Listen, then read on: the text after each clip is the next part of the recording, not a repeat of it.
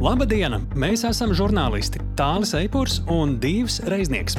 Mūs no sirds interesē, kas notiek Ukrajinā, kā notiekošais tur ietekmē notikumus šeit, kā mēs šeit varam būt noderīgi cilvēkiem tur. Lai labāk izprastu notiekošo, mēs dzenamies pakaļ personīgiem stāstiem, kas iemieso šo eksistenciālo cīņu. Mēs skaidrojam, ko globāla ziņu virsraksts nozīmē šeit, pie mums. Jo Ukraina cīnās ne tikai par savu brīvību. Ukraina šobrīd ir arī mūsu drošinātājs. Esiet sveicināti drošinātāja 28. epizodē. Sveicināti klausītāji, sveicināti arī tu! Tāli. Sveiks arī tu divi. Un es gribēju sākt ar to, ko mēs šeit nemaz nepasakām. Paldies visiem, kur mūs klausās. Es tev piekritīšu. Paldies jums, klausītāji. Mēs tiešām esam ļoti pagodināti, ka Latvijā ir cilvēki, kam interesē šī tematika, tāda padziļināti klausīties par karu Ukrajinā un padziļināt dzirdēt gan ekspertu vērtējumu, padziļināt dzirdēt arī sarunas, personīgas sarunas un tomēr arī par vispārīgām lietām, kuras ir ļoti svarīgas, runājot par Latviju un par karu Ukrajinā. Man zina, kā ir. Es godīgi pateikšu, šajā dienā, kad mēs rakstām podkāstu, izplatījās Twitterī tas eh, trakais video ar, ar galvas griešanu, un, un tas tev, zina, iedod tā pa smadzenēm. Jo Mēs saprotam, ka karš ir traģiski. Tāpat laikā mēs, kā ziņu cilvēki, arī to ļoti labi zinām, ka notiek pierašana pie dažādām lietām un, un tam līdzīgi. Un tad nāk šādas ziņas kaut kādas, kas tev vienkārši iedod pa smadzeni un bišķiņi izsit no līdzsvara. Nu, nav mūsu mērķis šeit sēdēt un katru nedēļu kopā ar jums raudāt par to, kas notiek. Jo tas nepie kā labi nenoved, un tāpēc mēs eh, meklējam šos dažādos stāstus, runājam par aktualitātēm. Bet uh, Paldies Dievam, vai nu, tā nu ir sakrits, ka mēs esam šeit Latvijā, it kā drošā vietā, drošā zemē un sekojam tam no attāluma.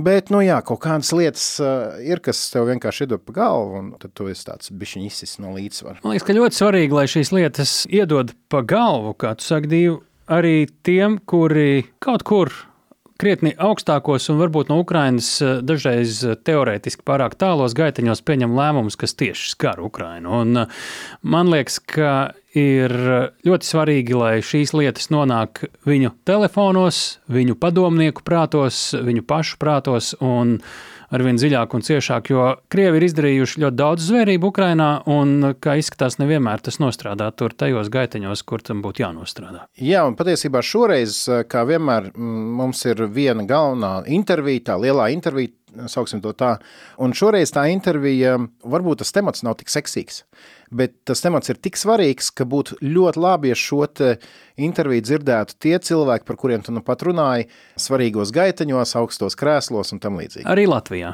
Arī Latvijā, un patiesībā tāls runās, un tu pats pastāstīs vairāk par savu viešņu, tāls runās arī par tādām lietām, kas mums varētu būt noderīgas gan kā palīdzētājiem Ukrainai, ziedotājiem, gan kā vienkāršiem cilvēkiem, kuriem būtu labi būt informētiem kā rīkoties, ja kaut kāda nedod Dievs krīze liela krīze skar arī mūs. Jā, par to, ka gada laikā arī ar visāda veida palīdzēšanu Ukrainai Latvijā visticamāk, ka nav neviena, kas nebūtu pietiekami dziļi arī kļūdījies. Taču tajā visā ir arī daudz mācību, kuru vērtību mēs varbūt pat vēl īsti tagad neapzināmies, ko mēs esam iemācījušies. Un kāpēc vispār ir tik ļoti svarīgi arī ieklausīties Ukraiņos, kuriem mēs palīdzam, ko tad viņiem īsti vajag, ko nevajag. Mēs par to visu sarunāsimies ar pilsonisko aktīvisti Ines Vaivari, viņa arī Latvijas platformas attīstības sadarbībai direktori. Bet pirms tam, kā vienmēr, pieslēgsimies arī Vašingtonai. Šoreiz noskaidrosim, kādēļ Krievija rīko militārās mācības Arktikā, ja tās armijai iet tik plāni Ukrainā. Kā arī spriedīsim, kādu spēli Francijas prezidents Makrons spēlējis nesenajā Ķīnas vizītes laikā un vai uz Parīzi nu jāpaļaujas, ja gribam meklēt Eiropas līderi. Bet sāksim sarunu ar Kristīnu Bērziņu par nopludinātajiem ASV aizsardzības ministrijas dokumentiem. Kāda informācija tie atklāja un cik uzticami ir? Un slēdzamies klāt Vašingtonai. Sveiki, Kristīne! Sveiki, Kristīne! Sveiki, sveiki! Klau, kopš pagājušās reizes, kad mēs runājām, notikušas interesantas lietas, kā vienmēr. Viena no tām ir fakts, ka nopludināta ASV aizsardzības ministrijas slepenie dokumenti, tā skaitā arī par Ukrainas ofensīvas sagatavošanu. Kaut kas izskatās oriģināls, par citiem dokumentiem ir aizdomas, ka tie ir manipulēti. Kā to vērtēt? Piemēram, autoritīvais uh, izdevums The Economist uh, to sauc par nopietnāko dokumentu noplūdu ASV pēdējo desmit gadu laikā kopš uh, Snowden gadījuma. Kāds ir tavs skatījums uz šo lietu un ko tu izcelt kā svarīgāko? Dokumentu noplūde ir satraukusi Vašingtonu dabīgi, bet ir arī ļoti grūti spriest par dokumentiem pašiem un par noplūdes iemeslu. Atšķirībā no Snowdena lietas, kur acīm redzot bija viena persona, kura vēlējās parādīt pasaulē to, kas notiek Amerikas valdības un spiegu dienestu aizkulisēs. Šajā gadījumā nav skaidrs, kurš ir nopludinājis un kādēļ Dokumenti ir nofotografēti, daži ir manipulēti, ir par dažādām tēmām Ukraina, bet arī par tuviem austrumiem, arī par citiem jautājumiem. Un tas rada satraukumu Vašingtonā par to, kādēļ un, un kas notiek. Un tas arī ietekmē reālo kara darbību Ukrainā, jo nopludinātajos dokumentos bija plāni un arī skaiti uzrādīti ar to, kādas ieroču sistēmas ir, cik ilgi ieroču, tad munīcijas, cik, cik ilgi pietiks, jautājumi par gaisa aizsardzību, jautājumi par to, kas notiek arī gaisā virs Melnās jūras, visādas lietas. Un tagad no Kievas arī ziņo, ka ir jāmaina kara darbības plāni pavasarī noplūdes dēļ. Šobrīd ir jābūt stipri piesardzīgiem visiem par to, kas tur ir un nav. Piemēram, bija ziņas par to, ka pagājušā gada septembrī pie Krīmas Krievija visticamāk gandrīz notrieca Lielbritānijas spiegu lidmašīnu. Mēs runājām iepriekš par dronu gadījumu, kas nesen notika virs Melnās jūras un izskatās, ka kaut kas līdzīgs, bet ar pilotētu lidmašīnu bija jau noticis rudenī rudenī.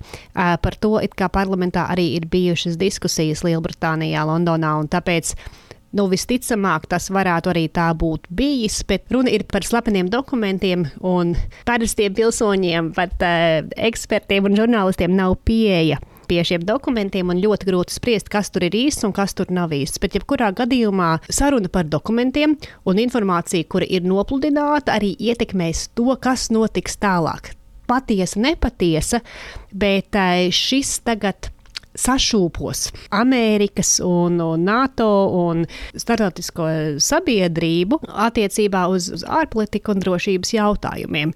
Tāpēc, ka ir tāda lielāka nedrošības, neskaidrības sajūta. Un mēs tikai ar laiku sapratīsim, kāda bija nozīme un kas bija patiesa un nepatiesa dokumentos. Pāriesim pie nedaudz citas tēmas. Krievija ir sākusi militārās mācības Arktikā. Piedalās 1800 uh, karavīru, līdz 15 uh, kuģiem un 40 kaujas lidmašīnām. Varbūt kādam varētu šķist, ka Krievijas uh, viss militārais spēks šobrīd ir Ukrainā. Kāpēc Krievija šobrīd ir aktīva Arktikā? Nu, kas ir Ukrainā? Ukrainā ir kainieki, Ukrainā ir Vāgners, eh, Ukrainā ir ļoti daudz karavīru, bet tā, protams, nav visa Krievijas militārā bilde. Lai gan no visas plašās Krievijas ir ļoti daudz spēka atvilkt tieši uz Ukrainu, eh, jāskatās, ko Krievija šobrīd pasargā, kur Krievija cenšas parādīt savu spēku. Ja runa par Krievijas kara darbību Ukrainā, bieži ir par to, ka tā ir izgāzusies, ka redz, cik švaki un ar otrās pasaules kara metodēm Krievija pieiet karam Ukrainā. Tad jāskatās uz to, kas tagad notiks Arktikā, kādas tur notiek mācības un kā tālāk Krievija ieguldīs un, un pasargās un attīstīs savu ziemeļu floti, kā Krievija pasargā savas aviācijas sektoru, kā pasargā lidotājus, kaujas lidmašīnas kur Krievija būtu spējīga nākotnē paplašināt savu ietekmi, savu varu. Un tur Arktika ir svarīga. Protams, ir svarīgi tas, ka e, Somija arī ir tikko pievienojusies NATO. Tā, ja skatās skolas pussala attiecībā uz Somiju, tas nav tālu. Eh, Norvēģijai un, eh, un Somijai ārkārtīgi svarīgi eh, ir tas, kas notiek skolas pussalā. Ir svarīgi skatīties kā tagad NATO attīstīs savus tālākos ziemeļu plānus. Tāpēc, ka tur Labi, tur karavīri, kainieki no Somijas robežas ir aizsūtīti un daudz krituši Ukrajinā. Bet kodola, zemūdens, flotes un lidmašīnas tur vēl ir daudz. Un īpaši svarīgi arī ir Ķīnas jautājums šajā visā, jo Ķīna jau gadiem ir interesējusies par Arktiku, par iespēju izmantot Ziemeļu jūras, Arktisko okeānu, lai tiktu apkārt Āzijas un Eiropas kontinentam. Un strateģiskas intereses Ķīnai tur ir. Ko tad Ķīna iegūs no savām jaunām, labām attiecībām ar Krieviju? Un būs jāskatās, vai tik Arktikā neslēpjas arī tā atbilde, vai Ķīna neprasīs no Krievijas ar laiku lielāku pieeju un lielāku sadarbību tieši tālajos ziemeļos. Un jā, tāpēc atkal notiek kaut solis, viena mācība, pati par sevi svarīga, bet ka daudz ko arī varētu pēc tam skatīties, kas attīstīsies tālāk. Arktikā, tālajos ziemeļos, īpaši attiecībā uz Krievijas-Ķīnas attiecībām. Ak, jau atkal šis brīdis, kad uh, raidierakstā par Ukrajinu mēs esam aizgājuši tālu, tālu it kā geogrāfiski prom no Ukrajinas līdz Arktikai un tagad līdz Ķīnai, un par Ķīnu arī paturpināsim, jo, jo gal galā šis Krievijas iebrukums Ukrajinā nav tikai izolēts notikums. Tur uh, ir iesaistīts daudz un dažādas uh, puses, intereses un tā tālāk. Kā pēdējo tēmu es gribēju pieminēt um, Francijas prezidenta Makrona vizīti Ķīnā. Mēdī izcēla vairākas tēzes, proti par to, ka Eiropai nevajadzētu iesaistīties konfliktos, kas nav tās konflikti, proti Taivāna, ka Eiropai nevajadzētu būt Amerikas vasalim, uh, vienlaikus um, bija arī dzirdami komentāri, ka uh, Makrons nav pareizi saprasts vai nav saprasta franču diplomātijas ļoti smalkā valoda, kur saka vienu, bet domā varbūt kaut ko citu. Ko domā tu par Francijas prezidenta Makrona vizītes Ķīnā rezultātiem? Ir bijis svarīgi īpaši tagad Ukrainas uh, kara laikā NATO noturēt apvienotu fronti, līniju attiecībā uz uh, Ķīnu un Krieviju. Bet visu laiku, pat jau tas ir jau gadiem, Francija vēlās atrast savu ceļu uz Ķīnu. Vācija tāpat. Un Eiropas strateģiskā autonomija, un tas ir tāds gan arī slikts vārds. Nu, Francija ļoti izmanto šo terminu, strateģiskā autonomija, tam, ka Eiropai būtu pašai jāvar tikt galā ar drošības jautājumiem gan Eiropā, bet arī savu uzskatu plašāk varētu arī aizstāvēt un, un nosacīt.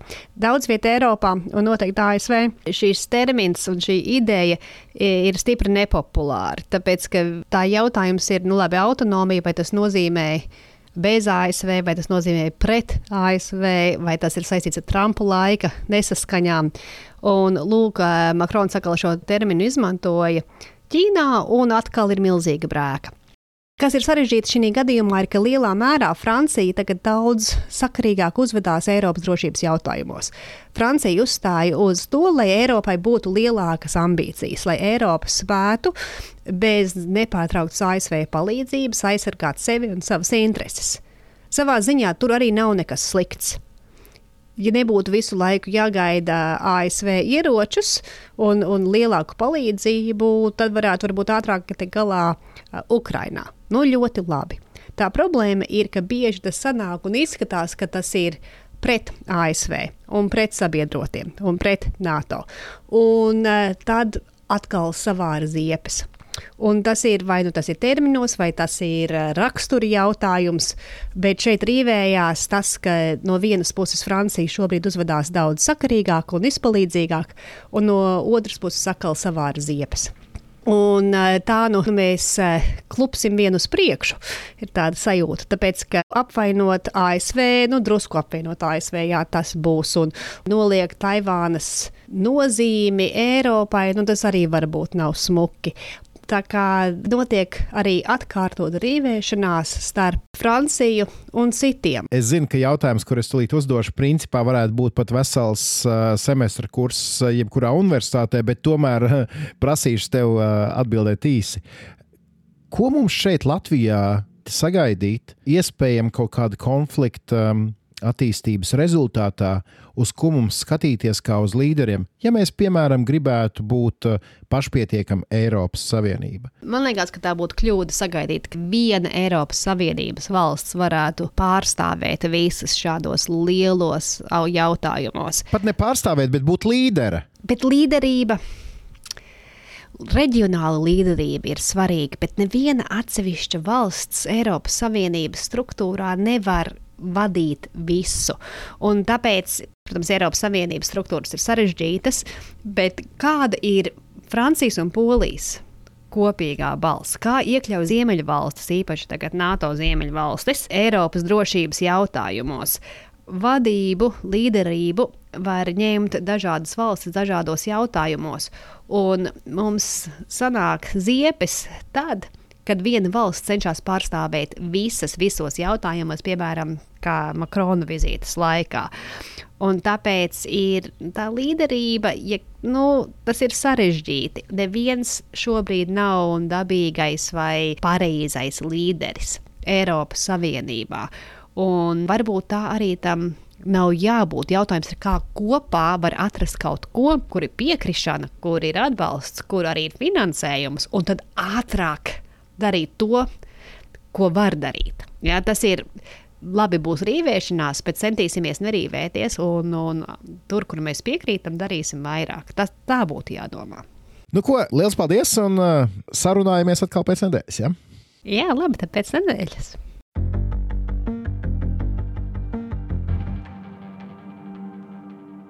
Paldies, Divi! Paldies, Kristīne! Trīs vērtīgi temati.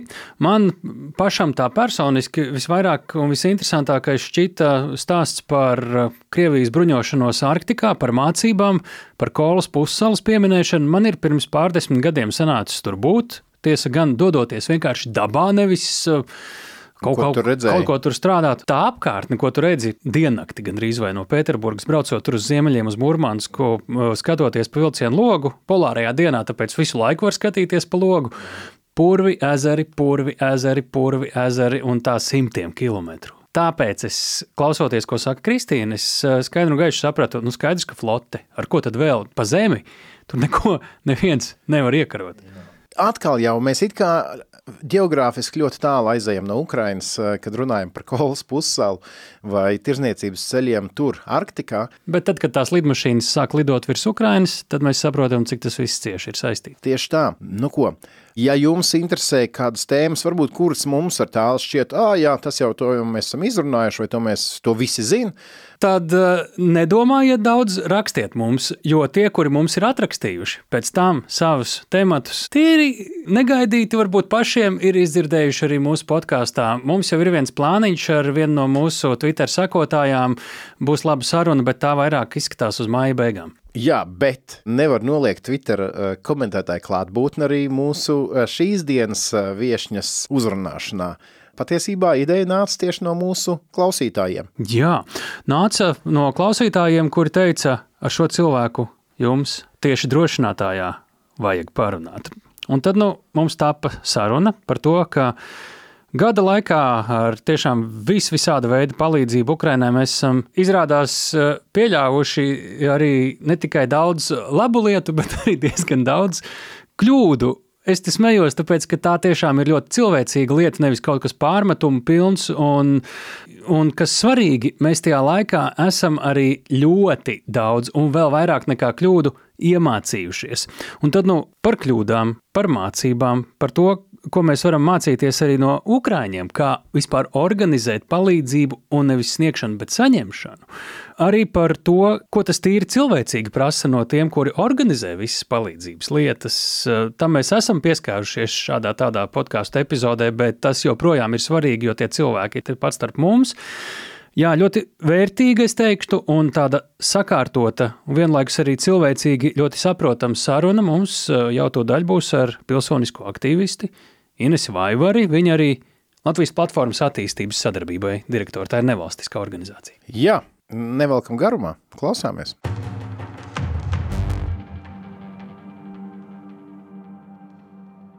Labdien, Inese! Labdien! Šīs podkāsts ir par kāru Ukrajinā, tāpēc mēs to grāmatu vērsim vaļā tajā nodaļā, kur varbūt ne gluži no sākuma tu jau sāc būt saistīta ar Ukraiņas stāstu. Kāds tas bija? Daudziem tas sākas ar 24. februāri vai ļoti tuvu tam, un kur tas tevi aizveda? Droši vien kā lielākā daļa cilvēku, es arī piedzīvoju 24. februārī šoku, bet man iepriekš ir bijušas zināmas pieredzes reaģēt tādās krīzes situācijās, tāpēc arī šajā es sapratu, ka man kaut kas ir jādara. Interesanti tas, ka pirmais, kas man ienāca prātā, ir nomierināt manu bērnu.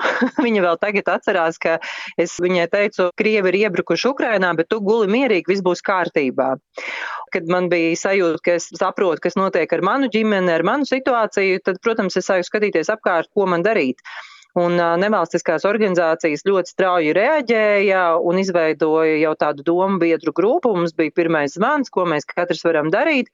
Un man tā kā patīk labāk paņemt kaut kādu lietu, ko es varu novest līdz galam, par ko es pati arī atbildu. Un uh, es redzēju, ka niša ir humanās palīdzības nosūtīšana, jo cilvēki strauji gribēja reaģēt, gribēja sūtīt dažādas mantas, mantas tika vāktas, bet nebija īsti skaidrs, kā to darīt, kur sūtīt un tam līdzīgi. Un tā kā par šo tēmu man arī neliela pieredze jau ir bijusi iepriekš, gan mazliet vairāk tādā teorētiskā līmenī, es ķēros pie lietas un mēs ar dažiem dombiedriem izveidojām aktīvistu grupu, mums ir piesaistījās arī skauti un gaidas, Latvijas lauku fórums. Ļoti ātri izveidojām reģionālo koordinātoru tīklu. Tajās pašās pirmajās dienās mums bija 60 cilvēki pa visu Latviju, kuri jau bija gatavi iesaistīties un koordinēt visus vietām sākām meklēt partnerus Ukrainā, kam droši var nosūtīt, jo pirmais, protams, bija tas, kā mēs vispār varam dabūt iekšā šīs kravas Ukrainā, jo iebraukt nevarēja, apdrošināšanas vairs tur nestrādāja. Un tad mēs sākām veidot arī sadarbību ar ārlietu ministriju, iekšlietu ministriju, ekonomikas ministriju. Nu, un tad tas vilnis mums tur aizvēlās tāds diezgan grandios. Cik? Grandios. Tas, ko es mēģināju darīt atšķirībā no citām savām pieredzēm, es mēģināju ļoti cieši sadarboties ar valsts pārvaldi, palīdzot tur, kur viņiem pašiem konkrētajā brīdī rokas bija par īsu. To nišu, ko mēs paņēmām, bija šīs liela apjoma kravas no uzņēmumiem, kuri bija spējīgi ātri sakraut fūres, bet bija vajadzīgs saprast, kā to var nogādāt. Un tad kopā ar ārlietu ministriju mēs izveidojām drošu ceļu caur Slovākiju, ievedot humanās palīdzības palīdzības ziedojumus. Ātri arī tika izgrozīts šis likums par PVN neatiecināšanu, un līdz ar to arī tā interese ziedot bija arvien lielāka. Ekonomikas ministrija padalījās arī ar interesantiem, kuri to gribētu darīt, kuri bija pauduši tādu savu vēlmi. Nu, jā, tas, kur mēs iestrēgām, protams, ir tas, ka tas apjoms bija grandios un uzreiz. Jo tā lielā, mūsuprāt, noliktava, kuru mums laipni arī uzņēmēji piedāvāja, diemžēl bija krietni par mazu. Un tad mums ļoti, ļoti paveicās sadarboties ar ļoti, ļoti lielu Latvijas uzņēmēju, kurš palīdzēja gan ar savu cilvēku resursu kompetenci, gan arī citi palīdzēja ar ļoti liels noliktavas atrašanu. Un tad jau mēs izdomājām, kā veidot visu šo loģistikas mehānismu un arī kā dokumentāciju kārtot, jo nešaubīgi krīzes situācijā jau mums ir jādomā arī par to, kas notiks pēc tam. Un kopā mēs aizsūtījām 27 kravas, tas ir apmēram 800 tūkstoši eiro vērtībā. Mēs beidzām savas aktivitātes jūnijā, jo mēs sapratām, ka ir daudz citas organizācijas, kuras tajā brīdī sūta, kuras arī piesaista finansējumu, un tā mūsu krīzes reakcija faktiski ir beigusies, jo tā mūsu atšķirība varbūt bija tāda, ka mēs nepirkām šīs lietas, mēs nedaudz arī no ziedot LV mums bija iespēja piesaistīt finanšu resursus, mēs tiešām pasūtījām vairumā lietas, kuras bija ļoti, ļoti vajadzīgas, bet faktiski tā mūsu specializācija bija tieši mantu ziedojumi ļoti lielos apjomos, ļoti ātra nosūtīšana un tam līdzīgi. Nu, cik vien tas bija, protams, iespējams, jo daudz kas bija arī tā bumbiņu uzņēmēja pusē, cik bija kārtīgi sakārtot dokumentāciju, un tāpat jau mums arī visādi piedzīvojumi pa ceļam gadījās. Sanāk tā, ka šis lielais sākuma uzrāviens ar tiešām lielajām kravām, vērtīgajām kravām, вам tad uh, visi pārējie vēlāk piedzina un to uh, pietiekami labi kompensēja. Tas bija arī tas, kāpēc jūs beidzāt. Jo, nu, liekas, savādi, ja lieta ir tik organizēta, aizgājusi, apstāties. Tas nozīmē, ka jūs secinājāt, ka pārējie arī ir jau pietiekami labi piešāvuši roku. Tur ir tāda specifika, ka, lai mēs nosūtītu pilnu fūri, viņai ir jābūt noteiktam preču apjomam. Un uh, uzņēmējiem ir noteikts apjoms, ko viņi gada laikā vispār drīkst ziedot. un cik viņi arī var atļauties ziedot. Uzņēmumu tās spējas jau arī ir ļoti dažādas. Un lasīt pa pāris paldiem kaut kur uzglabāt, uzņemties šo materiālo atbildību mēs nevaram, jo mēs tiešām tikai laipni izmantojām šo citu cilvēku, citu uzņēmumu noliktavu. Līdz ar to mēs sapratām, ka tīri tā mūsu darbība nav efektīva. Savukārt tām organizācijām, kuras var uzkrāt, kurām ir lieli finanšu līdzekļi nopirkt kādas vēl paletes vai kādas nepieciešamās lietas, tad viņi to var izdarīt daudz labāk. Jo redz tā lieta, kas ir jāņem vērā, kad mēs sūtam, ko mēs ļoti cieši pieturējāmies, ir, ka mēs gribam būt arī finanšu efektīvi. Jo skaidrs, ka mēs varam staigāt pa veikaliem un mazumtirdzniecībā nopirkt dažādas lietas, iespējams, kāds arī no tā labi nopelnīja tajā laikā, kas nav slikti, varbūt arī pēc tam ziedoja atpakaļ to nopelnīto vai ne. Bet uh, mēs skatījāmies tiešām uz ļoti lieliem apjomiem par pēc iespējas lētākām cenām un tādas preces, kuras pat tiešām, pat tiešām ir vajadzīgas. Jo skaidrs ir tas, ka ziedotāji jau bija arī tādi, kuri gribēja nu, to, kas pašiem ir palicis pāri, kuru beidzas derīguma termiņu. Nu, te mēs bijām ļoti strikti un stingri. Mēs tādas lietas nepieņēmām. Kas tad bija tās mācības, kuras joprojām varbūt arī ir aktuālas? Citādāk es nemēģinātu jautāt, kuras būtu svarīgi saprast tik vienam, kurš vai nu sāk palīdzēt, vai turpina palīdzēt, un kur varbūt tieši gribētos uzsvērt, jo nu varbūt nevienmēr tas tā izdodas. Jā, nu mums laikam pirmā mācība bija tāda, mēs mēģinājām apturēt neapturamo, jo tad, kad mēs sapratām, ka tas vilnis ar mantām ir lielāks par jebkuras organizācijas kapacitāti nosūtīt, tad mēs mēģinājām to apturēt. Mums tas neizdevās, jo ir skaidrs, ka tas bija arī tāds nu, stresa noņemšanas elements droši vien cilvēkiem, sajūta, ka es palīdzu kaut ko dodot, bet tikpat skaidrs ir, ka nu, tāda neefektīvi vadīta palīdzēšana vairāk palīdz mums pašiem nekā tiem cilvēkiem. Un primāri tas ir stāsts par to, ko tiešām otrē pusē vajag, ko viņi paši ir gatavi arī pēc tam izdalīt. Un, protams, ka tāda nu, dezorganizēta, nesakārtota palīdzība, kuru otrā pusē vēl ir jāšķiro un jāsaprot, vai tas vispār ir liederīgi, nu, tā nav laba palīdzība. Un, diemžēl tas ir tāds sensitīvs jautājums, jo cilvēki, kad to saka, mēdz apvainoties, jo viņi domā, ka nu, es taču no labas sirds gribēju palīdzēt, bet kāpēc tad, viņi, nu, tad jau viņiem nevajag, tad lai tie galā paši. Bet būtībā tam ļoti ir jābūt cieši saistītam ar reālajām vajadzībām un arī to formātu, vai mums ir iztulkots tas, ko mēs tur sūtam, vai mums ir sakārtots tas, ko mums darīja brīvprātīgi, ja ļoti lielos apjomos viņi šķiroja šīs mantas, liekot vienā kastē zobu birstas, vienā kastē zobu pastas. Nākamais stāsts ir, ka tas viss ir jāuzskaita un tam visam ir jābūt dokumentācijai, ja mēs to kaut kur nogādājam, un tam jābūt arī caurspīdīgam procesam procesam. Tas arī daudz kur nenotika, bet bija ļoti labi piemēri. Piemēram, saldu ļoti gribu tiešām pieminēt kā tādu pozitīvu praksi. Viņi nesūtīja uzreiz mums, viņi sēdēja, viņi šķiroja, viņi apakoja visus pamperus atsevišķi. Mums varējām izveidot vienu paleti ar pamperiem, jo tas ir stāsts arī par iepakošanu. Nu, tās ir daudz tādas loģistiskas nianses, kuras varbūt, ja tu pats to neesi darījis, nenāk prātā, bet kur ir jāklausās organizācijās, kuras to dara. Klausīties speciālistos un neapvainoties. Mēs to apvainošanās stāstu esam podkāstā podkāstā pieredzējuši. Jā, nu tā apvainošanās laikam ir tā sarežģītākā, jo, protams, ka visiem ir sakāpināts emocijas un, un nešaubīgi tam palīdzības procesam ir liela nozīme, bet uh, varbūt tas, kas ir jāatceras, ka tajā krīzes situācijā, jo mēs īsti nefunkcionējam kā tas profesionāls, kas mēs esam, varbūt, ka mēs varam būt palīdzīgs pilnīgi citā lietā, un man pašai tas ir ļoti palīdzējis, ka es neesmu tas teorētiķis sistēmu plānotājs, bet cilvēks, kurš fiziski sēž un, un skaita konservus, un es ieraugu, kā tam tam ir jānotiek, un tajā brīdī tā ir tā palīdzība, kura ir vajadzīga. Tu sacīji, ka tev jau bija pieredze zināma. Ko tas nozīmēja? Latvijas platforma attīstības sadarbībai, jeb lapas, ir organizācija, kuras vadu 12 gadus, un mums ir pieredze ar palīdzības sniegšanu citām valstīm, gan mazāk ar humāno palīdzību, jo tā ir eh, tāda, nu, kā mēs mēdzam devēt ar CNN efektu, kur ir tāda skaļāka krīze, tur mēs palīdzam, jo nešaubīgi dažādi militāri konflikti un krīzes situācijas ir visur pasaulē nepārtraukti. Bet mēs zinām, kādi ir šie palīdzēšanas principi. Un otra mana būtiska pieredze ir eh, šī organizācija viegli palīdzēt, ja paliec mājās, eh, kur mēs izveidojām pirmajā Covid vilnī, apvienojot vairāk 800 brīvprātīgos, kas nesa pārtiku, medikamentus un visādi citādi palīdzēja cilvēkiem, kuriem bija jāpaliek mājās. Un otrā pieredze mums šai organizācijai tāda skumjā pieredze, bet tajā pašā laikā ļoti realistiskā pieredze bija palīdzot Baltkrievijas opozīcijai bēgt, kad Lukašenko spēki sāka iestāties paši pret saviem cilvēkiem. Tik plašs tas spektrs. Es runājot ar tādiem cilvēkiem kā tu, kuri par laimi Latvijā nav arī nemaz tik maz, vienmēr pie sevis brīnos, un es pieļauju, ka arī ir daļa klausītāju, kuri brīnās, nu, kā jūs to visu spējat darīt. Tā ir Daudziem, es domāju, neaptverams domāšanas veids, enerģijas daudzums. Pastāsti par sevi, kas tu esi tad, kad tu neesi projektos, plānos, palīdzēšanā. Es domāju, ka palīdzētāju tiešām ir daudz, kā tu saki, un uh, katram cilvēkam ir tā sava stiprā puse. Un mana stiprā puse laikam ir koordinēšana, kontakti, zināšana. Man nav bail vadīt lietas, man nav bail uzņemties eh, atbildību.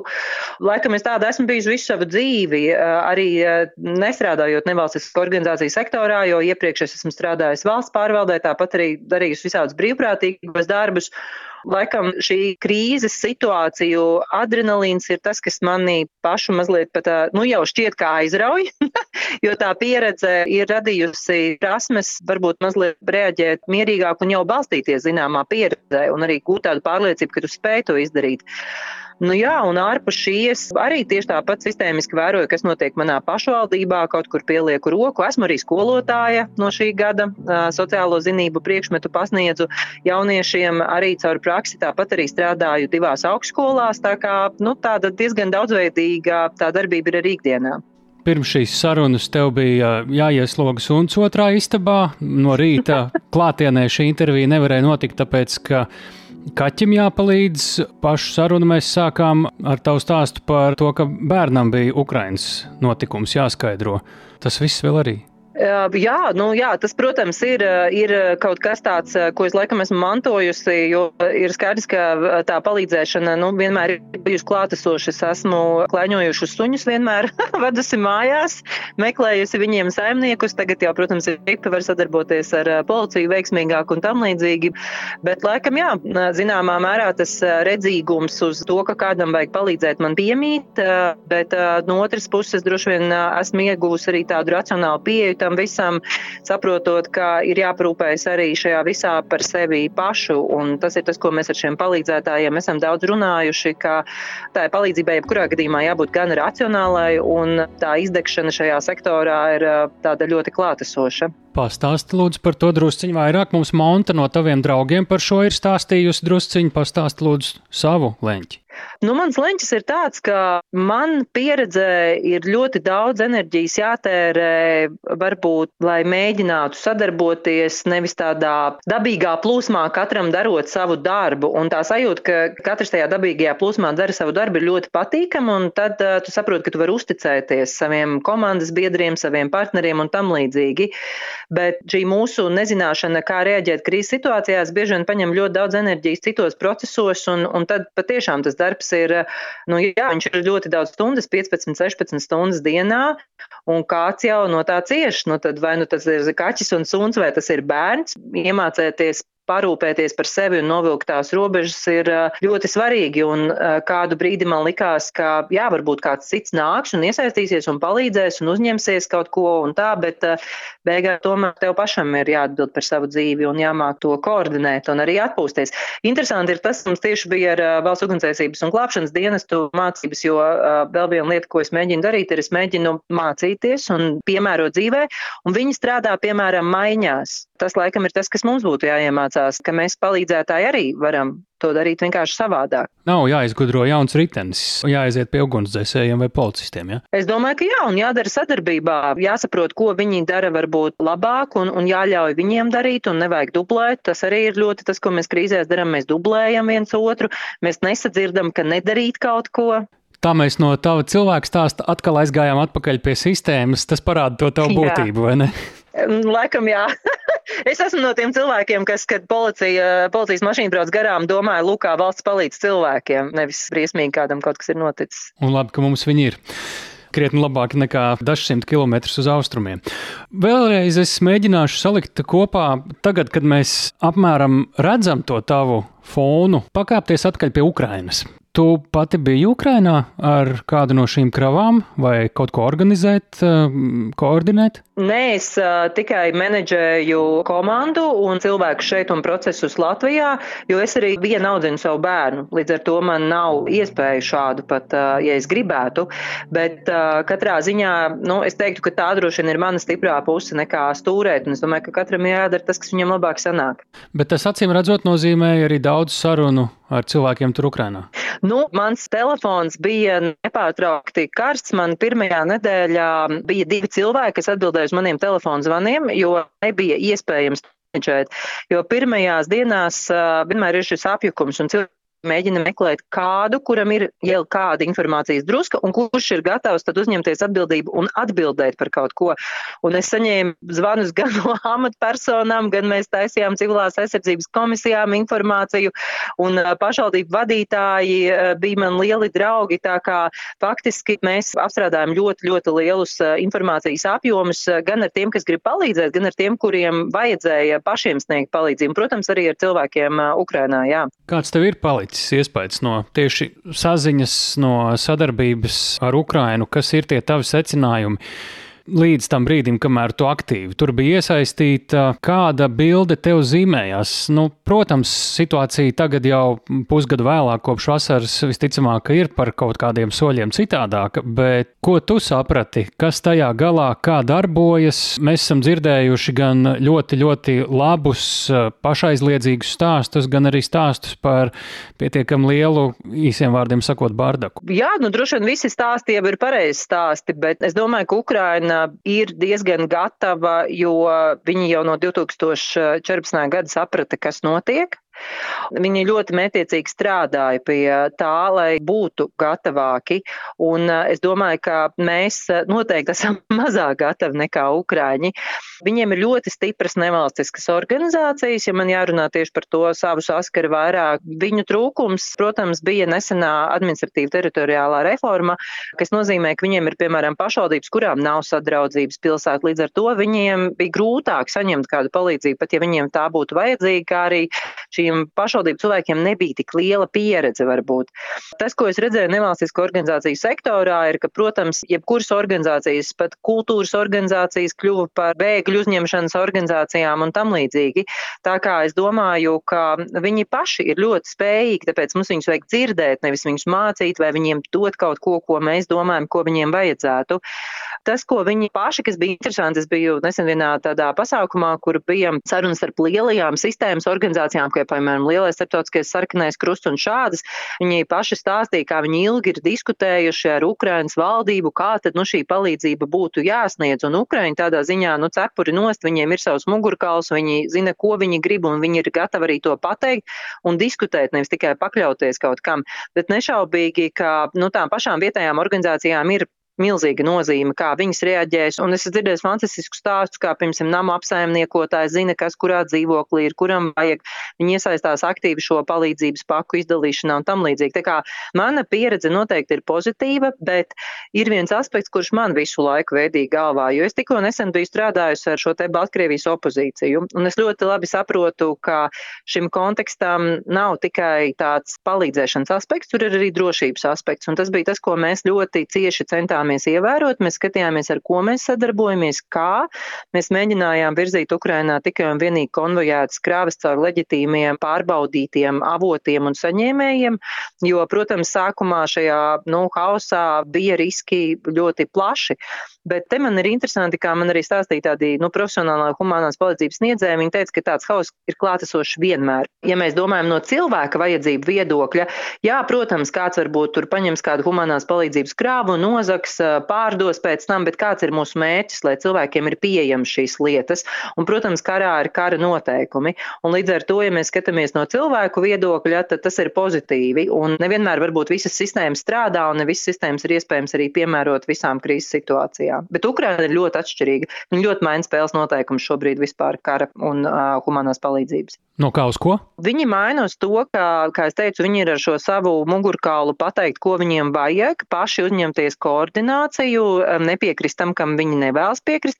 Nu, tāds piemērs no dzīves. Tātad, piemēram, humanā palīdzība m, mm, teorijā tiek ļoti stingri nošķirta no drošības, jo humanā palīdzība ir neitrāla. Tas ir tas, ko mums grūti Latvijā laikam pieņemt, ir, ka mums jābūt neitrāliem, kad mēs sniedzam palīdzību, jo mēs runājam par cilvēku un cilvēku vajadzībām. Mēs, protams, negribam būt neitrāli, mēs neesam neitrāli, bet nu, tā, tāda ir humanās palīdzības būtība. Un tad tas, kas notiek Ukrainā, mēs redzam, ka palīdzība tiek sniegta arī dažādiem militāriem spēkiem, jo, piemēram, arī militāristi jau vairs nav vienkārši tikai militāristi, tās ir arī viņu pašorganizēšanās vienības, kurām ir jāpalīdz un tam līdzīgi. Nu, un tad šajā organizāciju vidē ļoti liela debate ir par šo nošķiršanu vai nenošķiršanu, spēju būt neitrālam, nespēju būt neitrālam, un ko tas nozīmē. Jo skaidrs ir tas, ka šādiem notikumiem ir arī plašāks efekts, jo šis nav vienīgais militārais konflikts. Ja, ja piemēram, mēs runājam par Kalnu Karabahu, piemēram, nu tad kāda tur ir neutralitātes izpratne ja, un palīdzēšana, jo tur arī šobrīd ir diezgan kritiska humanās palīdzības situācija atsevišķās vietās. Un par tiem riskiem drošību tas nozīmē, ka palīdzība nonāk ne tajās rokās, informācija varbūt ne tur nonāk. No Ukrainas gadījumā jau man liekas, ka viss ir vienā pusē, otrā pusē nokļūt ir var tikai pāri ierakumiem. Nu, sākumā jau tur bija tāds diezgan liels hauss, ja mēs atceramies, ka arī bija runa, ka šai Krievijas armijai nav iztikas līdzekļu un tam līdzīgi, tad humanās palīdzības krāvu novirzīšanas vietas nozīmē, ka tur pulcējas cilvēki, tas ir ļoti labs mērķis. Tāpat tās arī ceļi, pa kuriem virzās, ir ļoti labs mērķis vai ļoti labs objekts, ko vajadzētu uzzināt. Es atceros, ka mums arī tikko vienās mācībās stāstīja, ka tas, kas Ukrāņiem ir ļoti nu, tāda stipra puse, kā viņi ir varējuši ilgstoši noturēt, atcerēties, ir ienaidnieka neinformēšana. Jo, ja mēs pastāstam, kur ir kaut kas tikko noticis un par to visu apjūsmojam sociālajos tīklos, tad ienaidnieks par to labāk uzzina. Tā viņam ir ļoti vērtīga informācija. Un tas tās ir, lai mēs ar šīm savām humanās palīdzības kravām it kā tik sīku lietu vai ne un labdarīgu, mēs īstenībā nepiedalītos šajā risku paaugstināšanas procesā. Tāpēc es arī teicu, mēs ļoti mēģinājām nepiedalīties šajā hausā un arī cilvēkiem skaidrot, cik ļoti svarīgi ir sadarboties un cik svarīgi ir zināt, kas pretīm ir tas, kas tev saņem. Un es arī arī atceros, kas bija jau pirmajās nedēļās, kad Ukrainas vēstniecība arī sāk ieņemt lielāku lomu šajā partneru validēšanā. Nu, tā vispār bija milzīga problēma, jo skaidrs, ka mums visiem bija pilni ēpasti ar to, kur kādam ko vajag, un biežāk tās bija dažādas uh, militāra tipa lietas. Ja. Mēs, piemēram, novilkām ļoti stingru līniju, ka mēs neko tādu nesūtām, jo prioritāte ir aizsardzības ministrijas koordinēšana, un aizsardzības ministrija ir tā, kura sūta šīs lietas, un viņi arī redz kopējo bildi.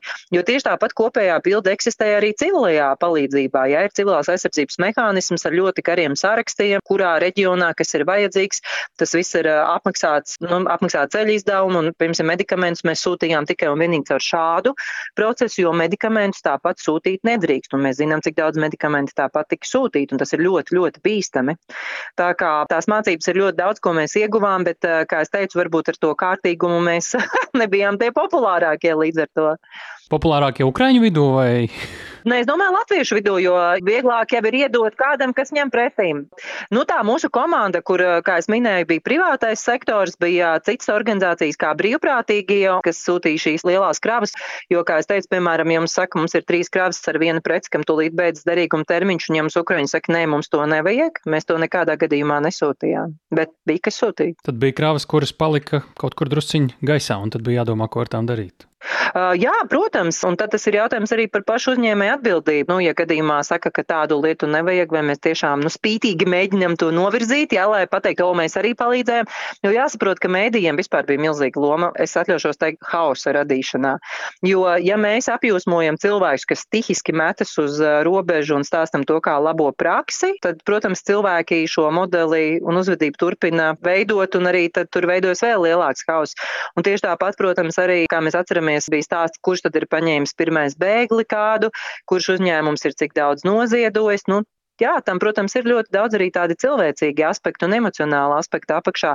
Bet tas, ko es gribu teikt, ir, ka bija ļoti daudz uzņēmēju, kur ziedoja ļoti, ļoti lielos apjomos, vispār bez nekādas reklāmas. Un es domāju, ka tas arī ir būtiski mums kā patērētājiem, kad mēs kādu slavinam vai kādam sakam paldies, ir zināt, ka ir ļoti daudz cilvēku un daudz uzņēmēju, kur palīdz vienkārši, nu, jā, nevienam to nezinot. Mēs kaut kur varam izlasīt sarakstus ar tādiem uzņēmējiem. Interesanti ir tas, ka šie paši uzņēmēji ir divi apstākļi, kāpēc viņi varbūt negrib būt zinami, zināmi. Ir tāpēc, ka arī viņiem pašiem tas ir drošības jautājums, jo šī ir tāda politiska spēle, vai ne? Jebkurš ienaidnieks novēro.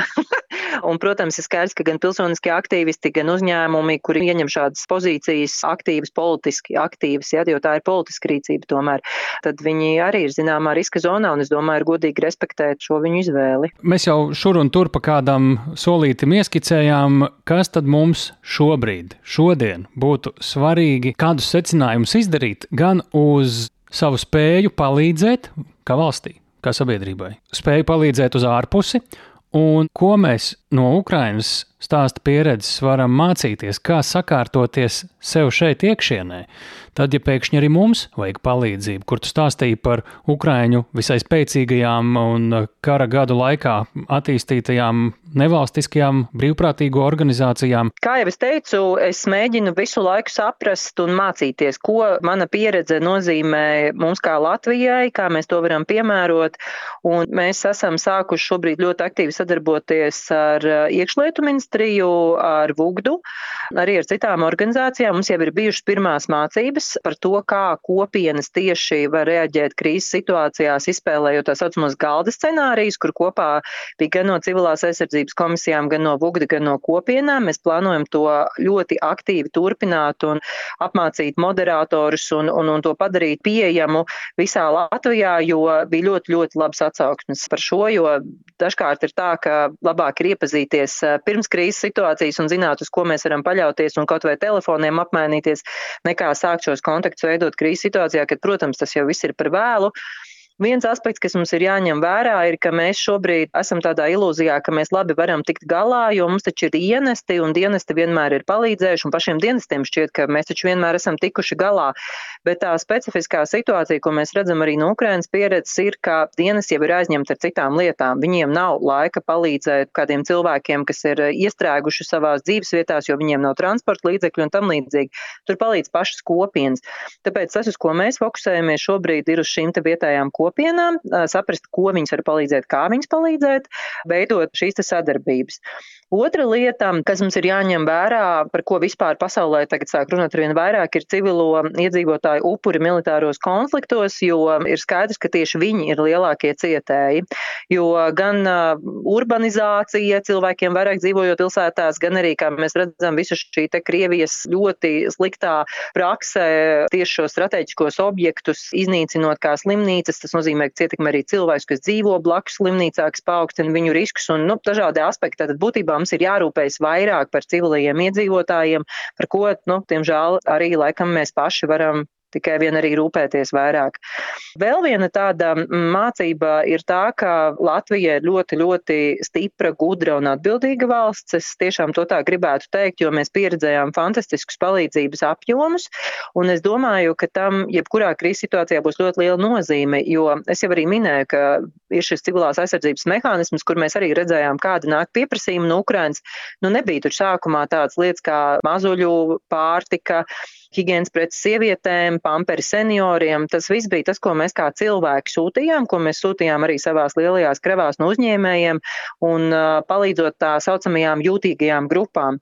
Jo pat ja, lai cik laba sistēma būtu pašvaldībai, viņā vienmēr izskatīs kādas jaunas grupas, kuras ir jūtīgas krīzes situācijā, un tur tieši sabiedrībai ir liela nozīme. Nu, jā, un tā praktiskā darbošanās, un es domāju, ka nevalstisko organizāciju sektors jau ir tas, kur ir tie atbildīgākie un darbīgākie cilvēki, kuriem vienkārši ir jāļauj saprast, kā tad es varu to darīt krīzes situācijā. Jo šobrīd mums ir tā, ka mēs visu ceram, ka mums izglābs jaunieši un skolas. mēs eh, visi ejam uz skolām, jo tas ir tāds vieglākais ceļš, mēs visi uz viņiem liekam lielas cerības, bet īstenībā mums taču ir ļoti daudz citas sabiedrības grupas, kuras var gan iesaistīties, gan arī kuras tiks ietekmētas šādās krīzes situācijās. Jā, kas ir tas, ko tu šobrīd un ko Latvijas platforma attīstības sadarbībai dara, lai civilās aizsardzības un palīdzības sniegšanas mehānismu mums šeit padarītu saprotamu, lai cilvēki jau pirms krīzēm saprastu, ko un kā darīt, vai vismaz kā domāt? Mēs veidojam mācību platformu, kurā varēs uzzināt, kas īsti ir humanā palīdzība, kā viņu labāk sniegt. Šobrīd filmējam arī labās prakses stāstus. Kolēģi bija pagājušajā piekdienā gan pie biedrības tev, gan taviem draugiem, runājām ar uzņēmēju mieram, tad izceļot pieredzes un saprotot, ko mēs varam darīt labāk. Tā ir viena lieta. Otra lieta, kā es minēju, mēs esam izstrādājuši modeli, scenāriju modeli kopienu rīcībām krīzes situācijās. Esam to testējuši jau ar piecām kopienām un pašvaldībām, kas bija Ķekava, Daugaupils, Rīga un Jēkabils. Attīstīsim to tālāk kopā ar Vugdu un iekšlietu ministriju. Tāpat arī šobrīd domājam par kādu tehnoloģisku piešprici, lai to visu varētu izdarīt pēc iespējas ātrāk un plašāk, kā arī mums šogad plānots ir kopā ar Latvijas Pilsonisko aliansi ar Zviedrijas atbalstu mācības šādu izspēļu moderatoriem un nevalstiskām organizācijām un, un Vugda cilvēkiem, kurš strādā civilās aizsardzības komisijās. Tā kā daudz, un tas viss ir tikai tāda ideja, jo tā jau nav mūsu organizācijas primārā funkcija. Mums vienkārši ļoti rūp, mēs mācījāmies no tā, ko mēs darījām, un nu, ejam uz priekšu, kasot fragmentus no dažādiem resursiem, no dažādām iespējām, tāpēc, ka mums tas vienkārši šķiet svarīgi. Tāpēc, ka mums tas vienkārši šķiet svarīgi. Ir viena lieta, ko es tomēr vēl mhm. pajautāšu attiecībā uz Ukrajinu un palīdzību Ukrajinai. Tās apjomi un tā dinamika, kā tas mainās. Es pieļauju, ka tev joprojām ir pietiekami cieša saistība ar to vismaz informatīvi, ja ne praksē pašai mēģinot koordinēt palīdzības sniegšanu. Kādi ir tavi vērojumi un galvenais arī aicinājumi cilvēkiem, kā pret to attiekties, kā domāt un kā šo palīdzības apjomu noturēt tādā līmenī, lai mēs tiešām Ukrainai vērtīgi spētu palīdzēt?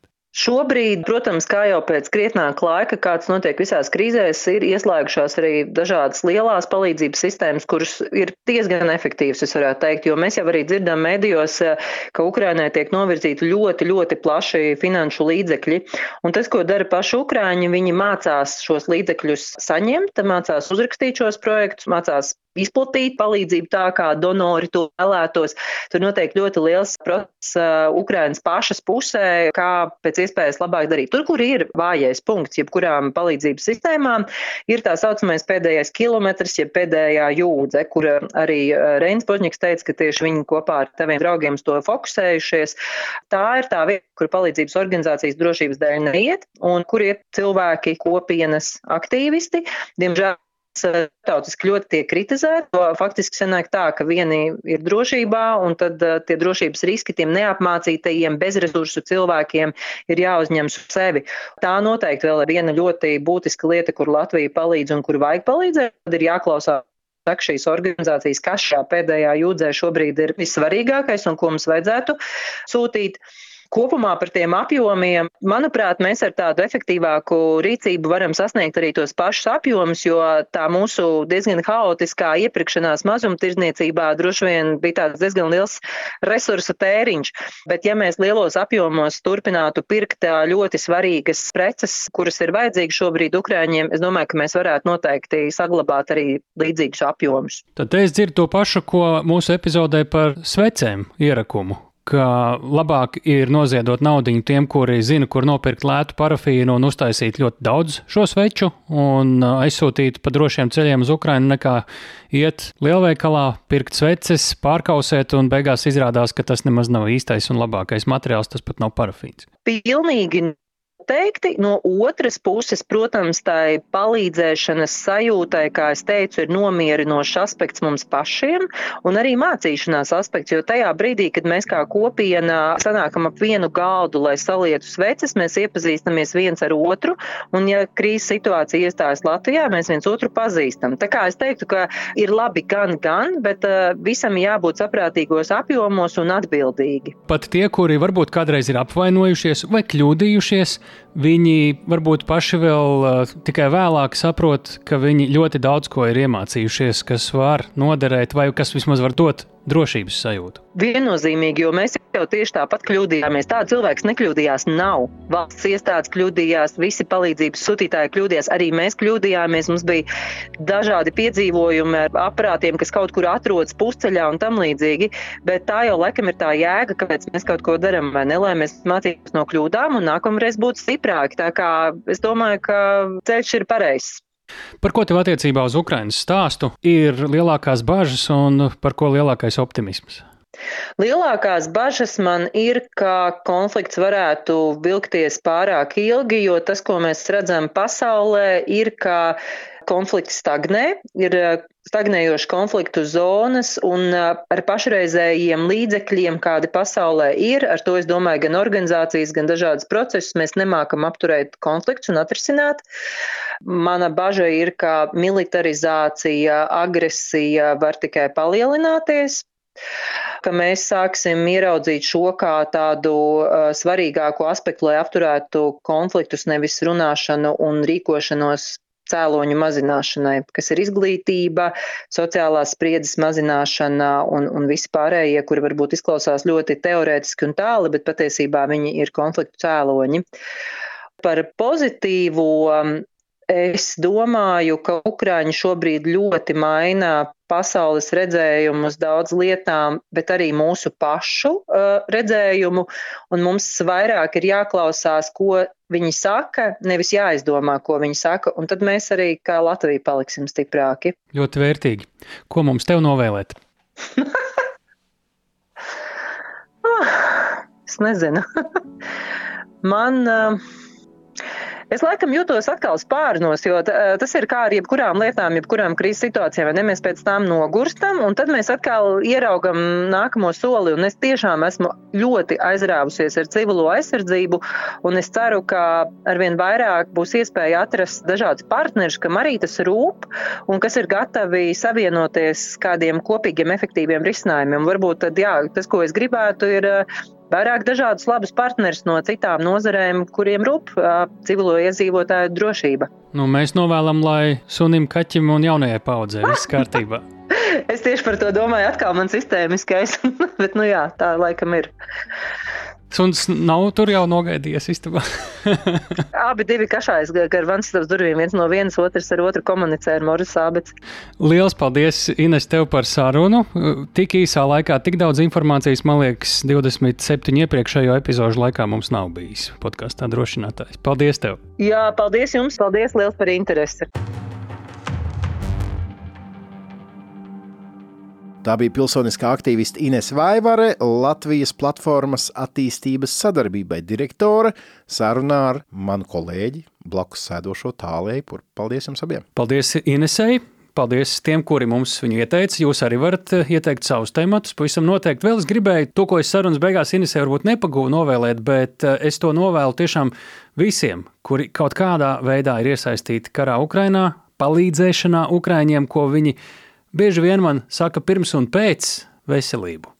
Jo to apēd karš Ukrainā ļoti daudziem. Mēs paši ar divu brīžiem sakām, nu, ir pat daudz mazliet jau tā visa. Un, un, eh, jā, tas ir tas, ko es tiešām novēlu. Mums saruna arī būtu bijusi klātienē, bet eh, veselība jānovēl arī visiem apkārtējiem. Viņai viens maidzīvnieks eh, tieši noturēja mājās, bija jāprūpējas. Neko mēs nākam pretī attālinātas sarunas podkāstā drošinātājs. Ja jums šķiet, ka mēs kādu nevaram sasniegt, mēs visus varam sasniegt, ja vien viņiem kāds WhatsApp, Zoom vai līdzīgs gals pie rokas rokas ir. Tieši tā, rakstiet mums drošinātājs at Latvijas Rādio LV mūsu e-pasta adresē, kā arī lietojiet hashtagus um, drošinātājs, ja komentējat kaut ko Twitterī, Facebookā vai jebkur citur. Tas šai reizei arī viss. Padalieties ar šo raidierakstu epizodi, ja jums tā šķiet svarīga. Nu, ir divas lietas, kas jāatcerās. Viena lieta, ka mēs tāpat kā jūs ļoti gaidām veiksmīgu Ukraiņas pretuzbrukumu. Un vēl viena lieta, kas jāatcerās. Es zinu, ko gribu, lai saku, bet viena lieta, ko es šajā nedēļā lasīju vairākos avotos, ir jāierobežo ekspektācijas pretuzbrukuma gadījumā. Mēs nevaram sagaidīt, nu, proti, būt aplami tagad domāt, ka sāksies pretuzbrukums un aizies līdz pat Krīmai, Krīmu ieņems, visas izmetīs ārā un nu tik būs. Jo, ja mēs tā runāsim un gaidīsim, un ja nu viņi apstājas kaut kur ātrāk, Ja nu sanāk, nesanāk viss tik raiti, tad mēs domājam, nē, tu nesanāc, viss ir slikti un tam līdzīgi. Līdz ar to, jā, mēs gaidām pretuzbrukumu, esam piesardzīgi kaut gan, zin kā, bija jau paredzēts šajās nedēļās tas pretuzbrukums. Tagad jau runā par vasaru. Jāreiz mēs par šo sākām.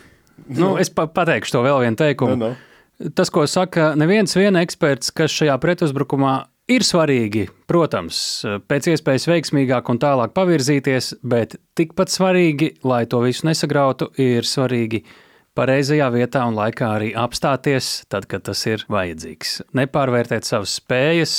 Nu, bet es domāju, tur ir uh, vīri daudz gudrāki par mums militārajā ziņā. Tā, tā kā mēs uh, turam īkšķus, labi, lai izdodas, un uh, mēs jums sakam, redzamies pēc nedēļas un atcerieties. To otru lietu. Jā. Un atcerieties, drošinātājs tas ir skaidri un personīgi par karu Ukrajinā.